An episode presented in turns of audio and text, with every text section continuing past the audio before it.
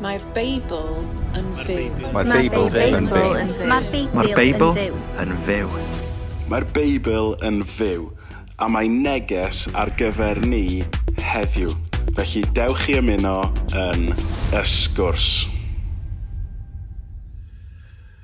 Wel, bore da, prawn da, noswaith da, pryd bynnag ydych chi'n gwrando. Croeso i'r sgwrs, fi di Steff. A fi di Jos.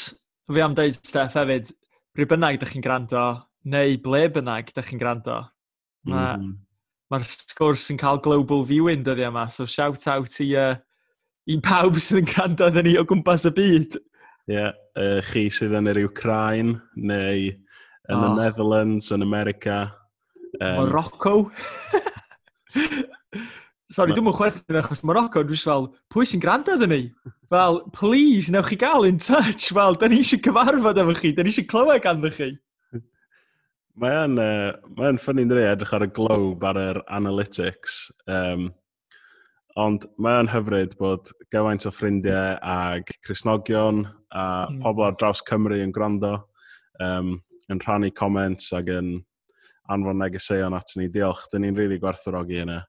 Flip yn dan. Dwi'n meddwl i fi weithiau dwi'n mynd dros staff fel, oh, di hwn o fydd i unrhyw un, fel Dwi'n gwybod mae, mae o fydd i fi, a mae hynna probably'n digon ar reswm i iddyn ni barhau, achos dwi'n meddwl sa chdi a fi yn neud hyn beth bynnag efo'n gilydd, ond oh, mae mor encouraging pan ti actually'n cael rhywun yn anfon neges i ti'n dweud, hei, dwi'n bod yn gwrando ar y sgwrs, dwi'n really joio fo, dwi'n dwi dwi, profi bendith, mae'n achosi fi feddwl bach yn wahanol, mae wedi cyflwyno Iesu mewn ffordd gwahanol fi, beth bynnag, fel Yeah. Ah, mei, mae mor encouraging. Ond, um, mm.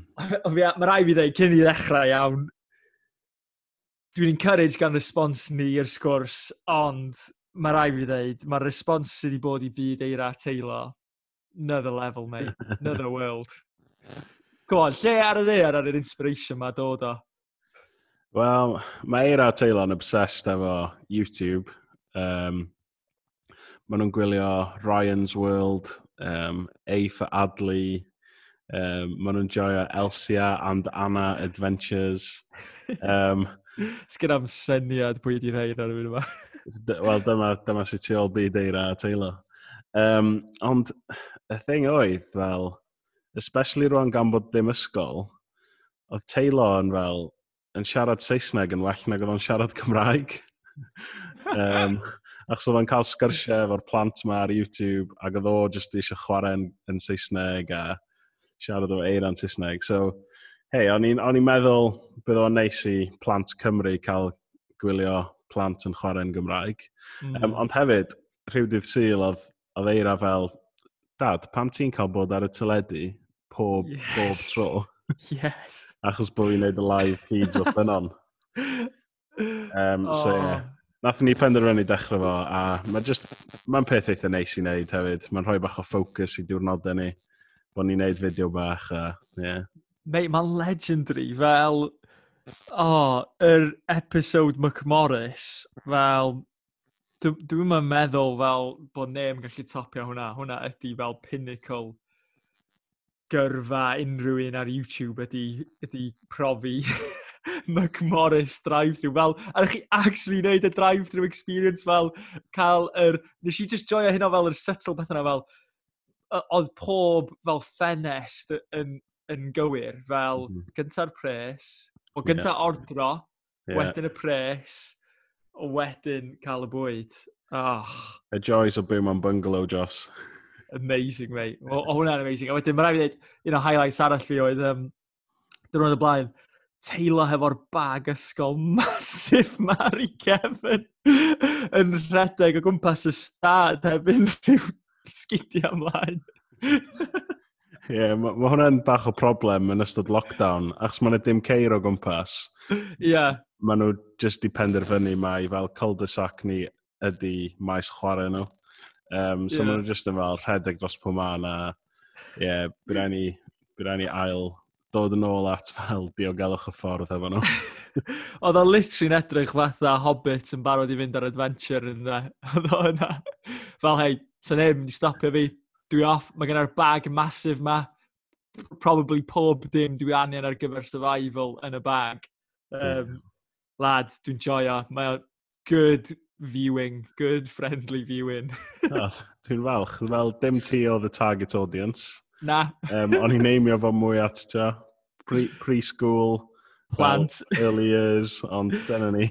Dwi heb di methu episode. Dyna dy'r bit. Mae yna ma rhywbeth weirdly addictive amdano fo. A wedyn, da chi wedi dod y jingle i fewn rwan. So, yeah. fel, mae'n serious, boys. A uh, ni'n rili ddiolchgar i Heledd a Sam am creu jingle i ni. Pwy wir, falle ar y sgwrs byddwn ni'n cael custom-made jingle. O, oh, gobeithio. Cael gwared o Love Island track ni. Mae'n rhywbeth arbennig am y Love Island track dwi'n meddwl efo'n nhw'n Wel, mae'n rhan o'r sgwrs. Um, yeah. gobeithio gawn ni um, shout-out gan eira a teilo o'r eich gan nhw plygio'r sgwrs ar, um, ar yr channel ma sydd yn tyfu trwy'r amser. Helpu ni eith beth bynnag. Uh, um, Jos, da ni'n heddiw'n yn penod cyffroes achos da ni'n cael Um, y cwestiwn cyntaf wedi dod mewn i ni trafod ar y sgwrs, um, achos fel nath ni, da ni wedi bod yn edrych ar yn y penodau diwethaf, really, gwerth cwestiynau er mwyn mynd yn ddyfnach a tyfu mewn ffydd. Um, so, Maggie G sy'n cael yr uh, mug sgwrs cyntaf yn y post. Gwa, Maggie. Anfon y cwestiwn i mewn. Um, so, be am i ni gwrando ar cwestiwn Maggie, a wedyn um, newn ni mynd amdani. Mae social media yn siarad lot am self-love and do what makes you happy um, sy'n amlwg ddim yn meddwl fod it's sustainable neu satisfying achos mond gras Iesu sy'n llenwi ni go iawn. Mae'r Beibl hefyd yn sôn sawl tro i rhoi eraill cyn dy hun um, sy'n mynd yn erbyn y byd sydd i gyd am wasanaethu dy hun a byw bywyd gorau chdi just i cael good time. Ond ar y llaw arall, mae hefyd yn deud i caru cymdogion ni fel dyn ni'n caru'n hunain, Felly, os mae yna galwad i wneud hynna'n well, tybed os da ni ddim wir yn caru'r corff a enaid mae Dyw wedi troi i ni yn y ffordd da ni fod i. So, dyma cwestiwn fi. Be ydych chi'n meddwl dylwn ni wneud i ymateb i'r culture yma mewn ffordd sy'n real a ffordd sy'n beiblaidd sy'n dilyn gorchymon Dyw sy'n caru ni go iawn. Dwi'n excited i clywed y sgwrs. Diolch Steph a Joss. Cwestiwn da. Cwestiwn da. Cwestiwn anodd. Steff, fel, o'n a lot o elfenna i'r cwestiwn yna. Diolch, Megi. Ti heb di roi'n hawdd y ddyn ni. Ond dyma ydy pwrpas y sgwrs. Da ni eisiau pobl yn mynd o'r sgwrs. Dwi'n meddwl mae Megi yn definitely fel pigo fyny ar nodyn sydd yn cael ei ganu ar hyn o bryd yn, yn diwylliant ni. Um, a felly mae'n bwysig iddyn ni drafod y peth. Mae'n bwysig ni weld sut mae'r mae Beibl yn gallu siapio a rhoi fframwaith i ni navigatio fel... Be, be ti'n meddwl ydy'r cwestiwn? Kind of self-love? Um, go on, be ydy'r cwestiwn, Steph, mewn, mewn brawddeg? Mewn brawddeg? Nath y cymryd... nath y cymryd 30 eiliad i Megi gofyn y cwestiwn, a nath yn oh, ddod allan o... Um, dwi'n meddwl mae'n dau rhan i'r cwestiwn. Um, nath Megi ddod fyny ar darn yna pan mae Iesu yn, yn, yn ymateb i'r dyn oedd di gofyn pwy ydi fy nghymydog. Um, a mae Iesu'n ymateb efo y gorchymyn mawr, um, car yr arglwydd y ddew, ath holl galon, ath holl enaid, ath holl feddwl, ath nerth, a mm. car dy gymydog fel ti dy hun. Um, so mae hwnna'n un cwestiwn, be oedd Iesu'n meddwl yn fanna pan mae'n deud fel ti dy hun. Um, A wedyn rhan arall y cwestiwn dwi'n meddwl ydy, be mae'r Beibl yn deud wrthyn ni am fel sut dyn ni'n gofalu am ein hunain, ein yeah. lles, mm. um, corfforol, meddyliol, emosiynol ac yn sicr ysbrydol. Yeah. Yeah. Um, so falle dwy rhan i'r cwestiwn, newn yeah. ni trio taclo. Ie, yeah, waw, mae yna ma digonedd o bethau fan i fynd fewn i. Um, mm.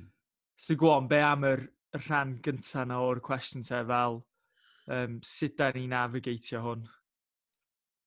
So, dwi'n siŵr dyn ni gyd i clywed fel y brawddegau sy'n cael eu taflu allan neu fel yr Instagram posts, um, do what makes you happy, um, so, ti angen caru dy hun yn fwy, gofalu am dy hun, um, neu hyd yn oed posts am fel, does gen neb hawl beirniadu ti yeah. am pwy o'i yeah. ti, mm. achos byddan dy hun. Fel, da ni'n gwybod, a da ni wedi gweld fel y slogans yma neu'r er, y lluniau yma, ond mm. be mae hwnna'n edrych fel in practice, Jos? Be, be mae be ma bywyd yn byw hynna allan yn edrych fel yn y byd gyntaf, cyn ni dod at i byd yeah. y Cristion. Ie. Yeah. Um, dwi'n meddwl da ni'n gweld ar lefela fel gwahanol. Um, dwi'n meddwl mae'r pwynt eithafol o'n fo yn eitha scary, really, fel lle da ni arni yn ein byd ni. Fel, o'n i'n clywed yn y blaen, i'n gwrando ar um, sgwrs gan, wel, sy'n fy ffrind Matt Chandler, dwi'n licio mawr bod o'n ffrind i fi, ond nath o referensio, oedd o'n sôn amdan yr, yr union beth yma o um, self-love, o, o, o deall yn hunain a caru'n hunain, a oedd o'n deud sy'n mae'r byd yn gweld o ydy fel, yr pen eithafol ydy, um, yr, yr syniad mo fel kind of derbyn yn hunain, fel bod ni gyd hefo fel gwir hunain on, o ddi mewn o'n ni, a yr peth gweitha da ni gallu wneud ydy suppresio'r hunan yna ac yn lle y peth pwysica fel bron iawn nod bywyd ydy bod ni i dderbyn yr hunain a, ac i adael hwnna dod allan ac bod gan neb wedyn hawl i, i ddeud unrhyw beth amdan pwy bynnag ydy'n gwir hunan ni. So, yr er pwynt fwy a eithafol nath thos o'n amdano'n y sgwrs yma oedd fel, bod, ag nath o ddeud, dwi ddim hynod yn deud hyn i fod yn ddoniol, dwi'n deud hyn mewn ffordd total heartbreaking, fel bod na rhywun fel yn byw yn y byd sydd yn credu bod hi'n gath, a bod, bod na neb yn gallu gwneud unrhyw beth amdano peth, oherwydd dyna oedd hi gwir hynna'n So, bod hi'n byw i bywyd i fel ar i'w pedwar, kind of, yeah, ar ariw pedwar, bod hi'n um, sbio ar cwn ag yn gweld nhw fatha, yeah, enemies. Just, oedd yn dweud, mae'n habrig yna, ag mae'n ma achosi bobl fod yn, yn sal yn feddyliol. So bron iawn hwnna oedd yr, oedd yr extreme, ond wedyn ni'n gweld o, ni'n byd ni mewn ffyrdd eraill yn mewn dan yn brifysgol, oedd y neges yma'n bob man fel y peth nod bywyd, y peth pwysica ydy bod chdi'n yn ffeindio dy hun ac yn gadael ac yn derbyn yr hyn yna ac yn gadael hwnna ddod allan a jyst yn meddwl amdan fel ffrindiau fi yn y tîm rygbi a, um, a dega lle fel o'n i'n cael sgyrsiau hefo nhw a jyst yn cofio pico fyny fel waw, fel go iawn yr priority yn hyn i gyd ydy darganfod fy hun, derbyn fy hun a wedyn bron iawn gadael i hwnna weithio hun allan yn, yn fy mywyd i. Um, Dwi'n rhaid sens? Ie. Yeah. Achos dyma stori y byd, ie. A dwi'n yeah. cofio ti'n deud, falle ar episod cynta sgwrs, fel un o dy heiadau ti oedd, bod ni'n edrych ar y Beibl a gweld sut mae stori, mae gen y Beibl stori arall, ond actually stori gwell. Ie. Yeah. yeah. Um, a dwi'n meddwl mae'r cwestiwn yma'n dod at really calon y mater yma mm. o hmm. sut mae'r Beibl hefo stori gwell i ni na mae popeth dwi'n neud jyst yn dibynnu ar, ar pwy ydw i a be dwi'n meddwl, mm. ond actually hmm. dwi hefo Dyw sydd yn caru fi ac efo pwrpas a, mm. a hmm. rhywbeth, rhywbeth real i fi mm. yn hmm. fwy na bod ni gyd yn gorfod fel unigolion penderfynu be di pwrpas bywyd. Yeah. Um, yeah. A just byw fel mae ni ydi pwrpas bywyd. Yeah. Yeah, a dwi'n yeah, meddwl dyna ydi canlyniad y stori yma o mae self-love ydy'r peth pwysica. Achos mae Megi'n dod ar darn o Matthew 22 fyny, car dy gymydog fel ti dy hun. Mm. A dwi ddim yn meddwl yn fanna mae Iesu eisiau'r pwyslais fod ar fel ti dy hun. Mm. Um, dwi'n meddwl mae Iesu'n deud fan hyn, guys, dych chi'n ffeindio fo mor hawdd i garu eich hun. Achos yeah. dyna ydy natural instinct person. Fel mm. dyna, dyna ydy calon pechadurus, fel hunanoldeb, a meddwl bod mae ni ydy canolbwynt yr, yr universe.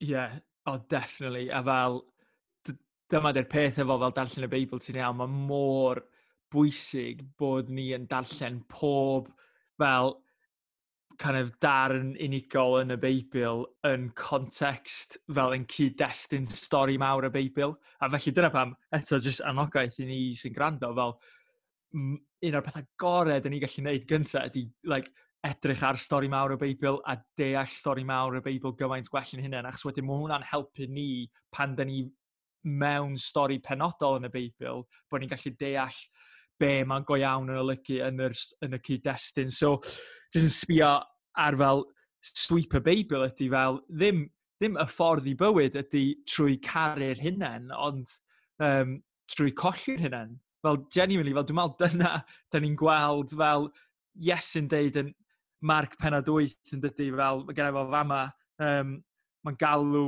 fel i'w ddisgyblion ato fo, a mae'n deud fel rhaid i bwy bynnag sydd am fy ni stopio rhoi nhw eu hunain yn gyntaf rhaid iddyn nhw aberthu eu hunain dros eraill a cherdded yr un llwybr a mi. A mae hwnna'n nuts yn ydy, achos fel be oedd ffordd ar Iesu cerdded, ar Iesu cerdded y ffordd yma o, mm. wel, o, o dioddau, um, o, o, o wel, yn y diwedd, y groes, y ffordd i'r groes oedd yn cerdded. So, dwi jyst yn meddwl fel hmm. flip, ie, yeah, da ni angen cofio, mae ddim yr, yr bron iawn o qualifier i garu pobl yn well ydy caru fy hun yn well, ond i garu pobl yn well, dwi angen colli fy hun yn hyn, stopio rhoi fy hun yn gynta, colli fy mywyd, ond beth sydd yn amazing ydy, mae Iesu'n deud fel, hwn ydy'r ffordd i fywyd, pan da chi'n colli eich hunain, pan da chi'n stopio rhoi eich hunain yn gyntaf, fel, da chi actually'n dechrau ffeindio bod bywyd newydd fel yn tyfu fewn ynddo chi. So, Ie, yeah, o'n i'n darllen, um, o'n i'n darllen blog wythnos yma, just yn sôn am fel y gorchymyn mawr fan hyn yn gyntaf i caru dew, mae hwnna'n rhywbeth um, anweledol, ti'n methu gweld o, yeah. mae'n rhywbeth mewnol, ond y ffordd mae hwnna'n dod allan ydy y ffordd dyn ni'n caru pobl arall. Ie. Yeah. Um, yeah. Ag er, yeah, ag fel ti'n deud, dyna fel y qualifier fel, hei, dwi eisiau caru dew yn fwy, fel bod fi'n caru pobl arall yn well. Dwi ddim eisiau caru fy hun yn fwy, achos mae hwnna'n mynd i arwain at, at pechod, dwi'n dwi, meddwl. Mm. Fel um, Aquinas nath deud, um, pride is the root of all sin, ie? Yeah? Um, ag, ie, yeah, pan yeah. dyn ni'n just caru, yeah. yn, caru yeah. yn hun mwy, yeah. mae'n arwain at, at pechod.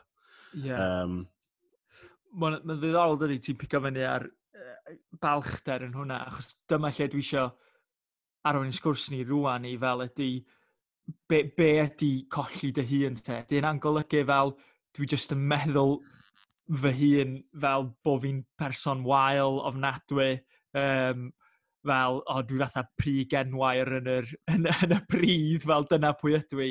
Um, a jyst yn ddiddorol i fel, mae ma balchder yn edrych fel un ffordd o meddwl, hei, dwi'n amazing, Ond mae Balchder actually hefyd yn, yn, mewn ffordd o ymateb fel dwi'n dwi, brig enwair, dwi ddim byd, dwi ddim gwerth unrhyw beth. Mae hwnna'n ffordd o falchder hefyd.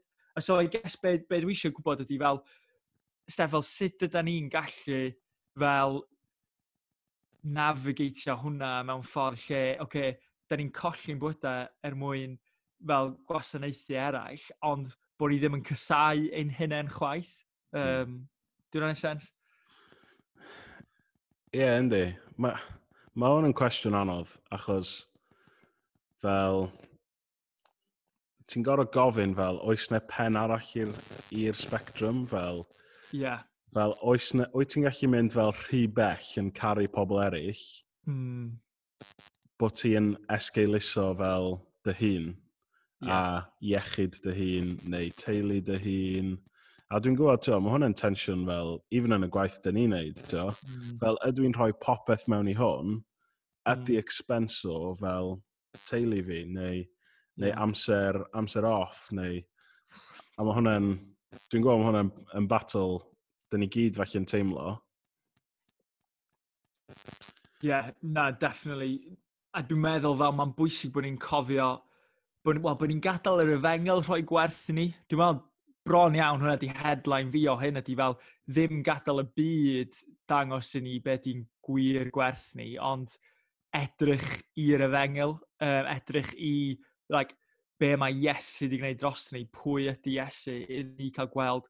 Wel gyntaf, mae'r efengel yn mynd i ddangos i ni dau peth. Mae'r efengel yn mynd i ddangos i ni, fel, dwi gymaint waith nag o'n i'n meddwl o'n i, fel dwi gymaint fwy bechadurus na o'n i'n meddwl o'n i ond mae'r yfengel hefyd yn danos fel, dwi wedi fy ngharu gymaint yna allai byth ychmygu, fel gymaint mwy na ni'n meddwl dwi wedi ngharu. Mm. Um, a dwi'n meddwl parhau i, i adael i'r yfengel siapio y ffordd dwi'n gweld fy hun bron iawn ydy'r ydy yr, yr, yr cu yn hyn i gyd, rili. Really. Os ti'n navigatio'r yeah. byd yma sy'n dweud, wel, cara dy hun a, a dy gwir hun ydy'r di'r ffordd gorau o caru dy hun. Na, na, na, dwi'n meddwl ffordd gorau caru'n hynny di gadael i Iesu siapio pwy ydyn ni, a mm. Iesu ddeud trwy, wel, trwy y groes, mae'n dangos ein hangen ni am achub, ond mae hefyd dangos oedd o'n barod i farw i'n hachub ni. Ie, yeah. um, yeah, dwi'n meddwl, dyna'r drych dyn ni eisiau bod yn edrych mewn i, fel, ac os dyn ni'n edrych ar Iesu, ac os dyn ni'n gadlu'r newyddion da siapio ni, really, mae yna ddim upper limit i faint dyn ni'n gallu caru pobl arall. Na. Ond, nes i meddwl fel, mae yna definitely checklist byddwn ni'n gallu gofyn mm. i wneud yn siŵr bod ni'n caru o'r lle iawn. Yeah. Um, oh. A fel, so, just yn sydyn fel, pam dwi'n neud hyn? Be di cymhelliant fi i garu neu i wasanaethu yn y ffordd yma? Ydw i'n neud hyn i gael fy sylwi neu i cael enw? Um, ydw i'n neud o am selfish ambition? Ydw i'n neud o'i trio get up the ladder mewn rhyw ffordd? Yeah. Um, a'i gweithredoedd fi sy'n rhoi gwerth a pwrpas i bywyd fi?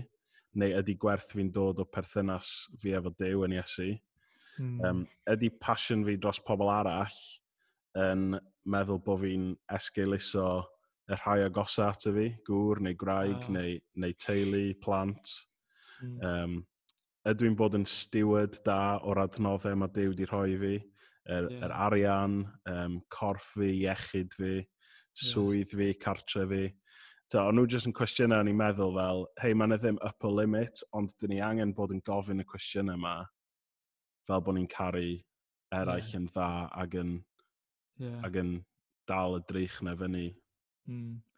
Pa, pan da chi'n sbio fewn i drych yr efengel ac yn gweld eich hunain o hwnna fel yr unig beth ydych chi'n gwneud ydy anadlu fel o'r diwedd fel mae'r mae gwneud yn stopio, mae'r trio profi fy hun yn stopio, mae'r trio darganfod fy hun yn stopio oherwydd o'r diwedd fel mae'n ma wir gwerth yn cael fod angos a dwi jyst yn meddwl patrwm bywyd fy hun, Steff, ydy fel trwy'r amser gofod trio fel osgoi fy hun neu trio projectio rhyw image bod fi'n licio rhywbeth amdano fi. A dwi, da, dwi dal yn brwydro fo, fel dwi hmm. dal yn brwydro fo a be di'r cymhelliant yma i roi allan a caru eraill. A dwi'n jyst meddwl flip fel pan da ni'n rooted yn yr efengil yn, yn, yn pwy mae Iesu'n deud ydy ni, fel mae'r franticness na, a'r desperation na yeah. yn mynd a wedyn dyn ni'n rhydd i garu pobl yn well na dyn ni wedi erioed wneud o blaen, a mae colli'n hynna'n a rhoi eraill yn gynta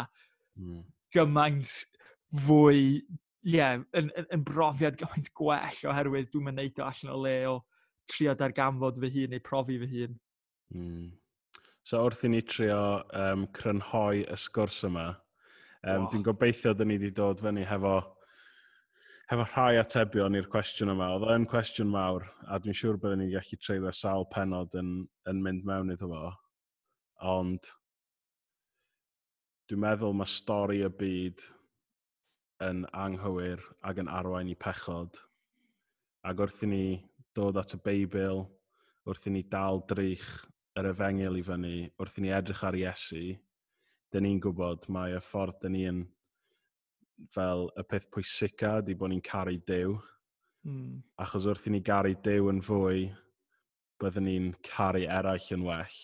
Mm. A trwy hynna byddwn ni'n dangos mae y ffordd gorau dyn ni'n gofalu am ein hun ydy trwy rhoi ein hunain yn llwyr i, i disgleirio cariad Iesu. Di hwnna'n ei synwyr? mate, ti di, ti di rapio fo fyny'n rili really dda. Achos da ni di, yeah, da ni di taflu lot allan yna. Um, gormod wrach, ond gobeithio fo hwnna'n bron iawn yn dechrau sgwrs i'r air ni, iddyn ni parhau i edrych fewn i hwn, achos mae o mor bwysig bod ni yn, yn gwybod sut i ymateb i'r hyn sy'n mynd ymlaen yn ein byd ni. Hmm. Diolch am ymuno, diolch Megi am anfon y cwestiwn i mewn. Um, wythnos nesaf, um, dyn ni'n dechrau cyfres newydd ar y sgwrs. Dyn ni'n mynd i fod edrych ar yr ysbryd glân mewn pedwar rhan. Um, so, yr ysbryd glân yn y Beibl, yr ysbryd glân yn hanes yr eglwys, yr ysbryd glân yng Nghymru ac yr ysbryd glân yn bywyd y Cristion. Um, so, tiwniwch mewn i'r cyfres yna. Dwi'n rili really edrych ymlaen.